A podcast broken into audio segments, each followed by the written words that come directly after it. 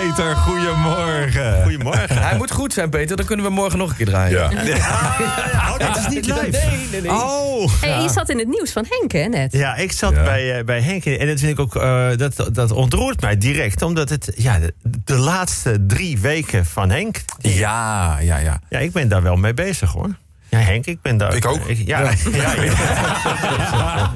Ja, ja. daar, daar, daar moet ik nog iets goeds mee bedenken. Daar, Oh. daar, daar, daar moeten we iets mee. Daar moeten we zeker weten iets daar mee. het, Wat voor eh, afscheid vind jij dat, eh, dat Henk verdient? Groots. Ja, ja. oké, dan zijn we het daarover en eens. meeslepend. Wat denk je dat Henk wil? Ik, nou, ik denk, Dat zijn twee verschillende dingen. Ja, ja. Ja. nou, ik denk dat we gewoon die laatste vrijdag echt van 6 tot 6 uur eh, s smiddags.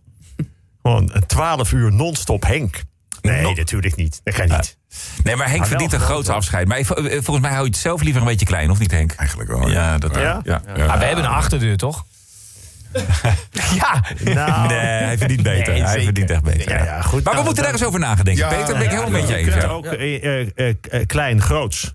Eh, eh, Of groots-kleins. ja, nee, nee, nee, maar daar, daar gaan we natuurlijk wel echt Ja. iets bijzonders van maken. Nou, want ik denk van dit hele gezelschap dat jij Henk het allerlangst kent. Ja.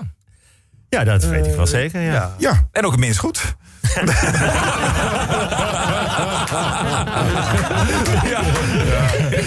dat denk jij, vrouw. Henk, eh, Henk en ik hebben aan weinig zinnen.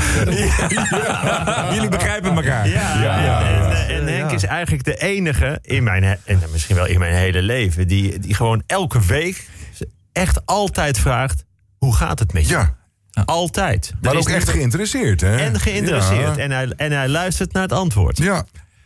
En die is ook al zelf toch niet? Goed met jou. En zegt, en zegt Henk, ja, ook goed. Dat is toch gewoon de essentie waar het Dat is de essentie van een gesprek. Ja, Ik wil jullie dat toch meegeven, want ik kan jullie Ja. er niet altijd op betrappen. dat het ergens over gaat. Nee, nee. Dankjewel Henk, je bent een dierbare man. Ja, mooi, mooi. En hoe was de, het weekje vrij? Eh, God, zo weer. Het voelt alweer lang geleden. Oeh, ik Hoe was het voor jou? Ik Oh, slim, Lord. Slim. Goed, en jij? Ja, ja. Er is er weer één uit het hele team die dan vraagt... en hoe is het met jou? Ja, dat is handig. Dat was fijn. Ja, ja. Mooi. Dank, dank, dankjewel. Dit was het zo'n beetje. We zijn weer helemaal bij We zijn weer bijgepraat. Ja, ja, goed zo. Nou, dan, eh, dan ga ik beginnen hoor. Leuk. Lieve Marianne, maandag 4 mei.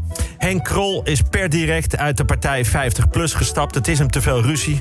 Het ruikt hem in die partij te veel naar 50PLUS. Er wordt wat hem betreft door 50PLUS te vaak voorgedrongen bij de kassa. Ze gaan in het bestuur te veel met hun scootmobiel tegen de richting in op het fietspad... met hun rollator tegen je Achillespees beuken. Opeens was Henk het helemaal zat. Briefje op de kantoortafel gelegd. Ik ga bij je weg. Nou, dat was het. En als je zo'n briefje vindt, is de eerste vraag altijd gelijk... of er een ander is. En ja, er is een ander. Femke Merel van Kota Arisse. Dat klinkt alsof haar ouders heel erg hebben getwijfeld over haar naam... en ze toen maar allemaal tegelijk hebben gegeven. Ze zitten allebei al in de Kamer en ze hebben gelijk een nieuwe partij opgericht. De Partij van de Toekomst. Bij Henk past toch meer. De Partij van de Arbeid zit er bijna, bij- bijna op. Bij Femke Merel van Kota Arisse past meer Forum voor de Christelijk Socialistische Partij van de 50PLUS Dierendemocraten. maar ze zeggen ook wel eens, what's in the name? Al dus Benno Baksteen, voorzitter van de Vereniging van Verkeersvliegers. Op de NS-stations is een nieuwe slogan. Hou vier treden en vijf tegels afstand. Dat is namelijk anderhalve meter. Hou vier treden en vijf tegels afstand. Dat vind ik een mooie titel voor een nieuw liefdeslied. En dat heb ik ook gemaakt. Vier treden en vijf tegels. Vier treden en vijf tegels. Hoor je wat ik roep? Jij bent altijd zo dichtbij. Mijn liefde, trap en stoep. 1,50 meter, dat is zeven bananen. Een dubbele roel of een halve dane. Het is tien middelvingers, vier platenhoesen, elf worstenbroodjes of net zoveel tompoesen. Maat 160 schoen, een slappe lul maal 9. Omdat ik zo naar jou verlang, wil ik daarmee je straatje vegen. nou ja, ik, ik moet nog even kijken naar het couplet.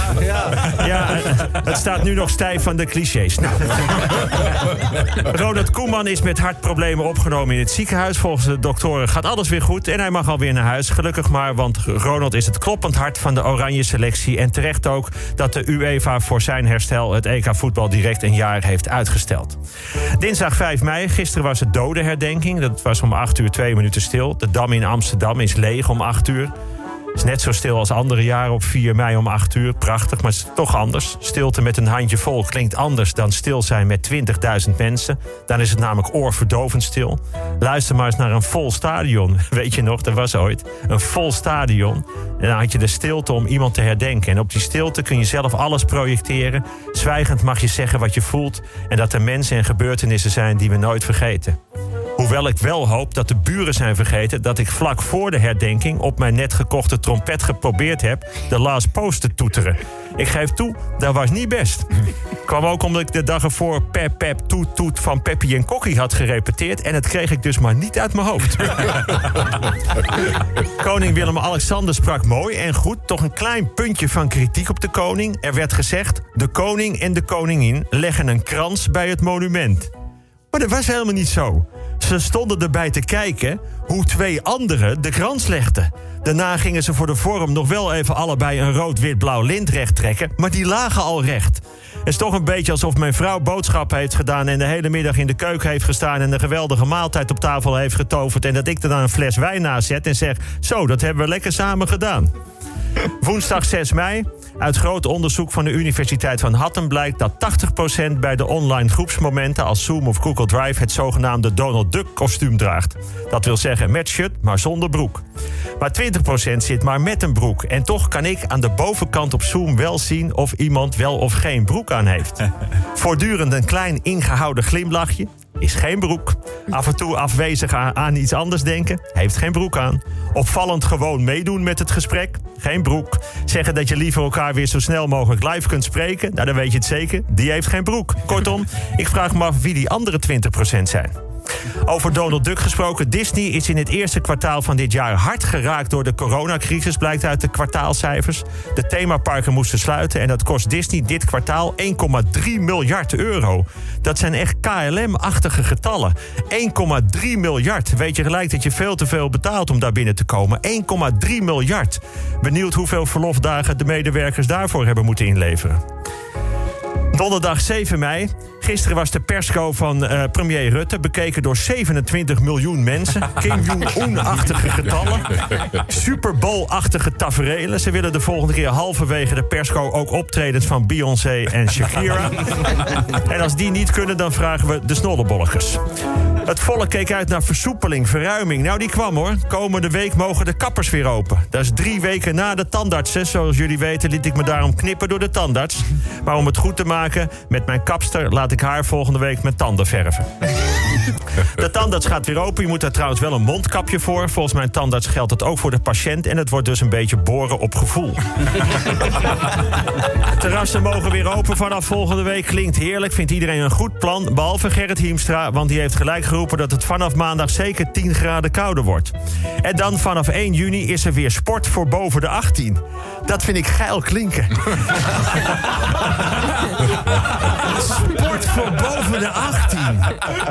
Ik hou er enorm van. En fijn, dat mag dus nu ook gewoon buiten. Vanaf 1 juni gaan de middelbare scholen weer open. Kunnen leerlingen kijken hoe snel ze de juf van Frans gelijk weer een paar weken huilend thuis kunnen krijgen. De theaters mogen weer open voor maximaal 30 mensen, inclusief personeel. Dat betekent voor een musical als Soldaat van Oranje dat in ieder geval alle acteurs die een Duitser spelen buiten moeten blijven. Vrijdag 8 mei. En ja, omdat er weer meer mensen naar buiten mogen, komt er ook een grotere druk op het openbaar vervoer. Reizigers moeten een mondkapje dragen. Maar maakt het dan uit wat voor mondkapje? Gaat er iemand bij de ingang van het openbaar vervoer kijken wat voor mondkapjes het zijn? Gaan ze ze testen of maakt het niet uit? Als het er maar uitziet als een mondkapje. Een oude zakdoek met twee elastiekjes, prima hoor. Een maandverband aan een touwtje, gaat u maar zitten. Een doorgeknipte sok, een stuk gordijn van je overleden buurvrouw... een oude dichtgeslipte theezeef, een halve BH, een dode rat. Wat is er toegestaan? Ik wil daar duidelijkheid in. En tenslotte, dit weekend is het Voor iedereen die zijn moeder door de omstandigheden niet kan bezoeken... dan weet je zeker, dit is een dag dat je meer dan ooit beseft wie je moeder is. En daarom nu ook voor iedereen die wel naar zijn moeder kan.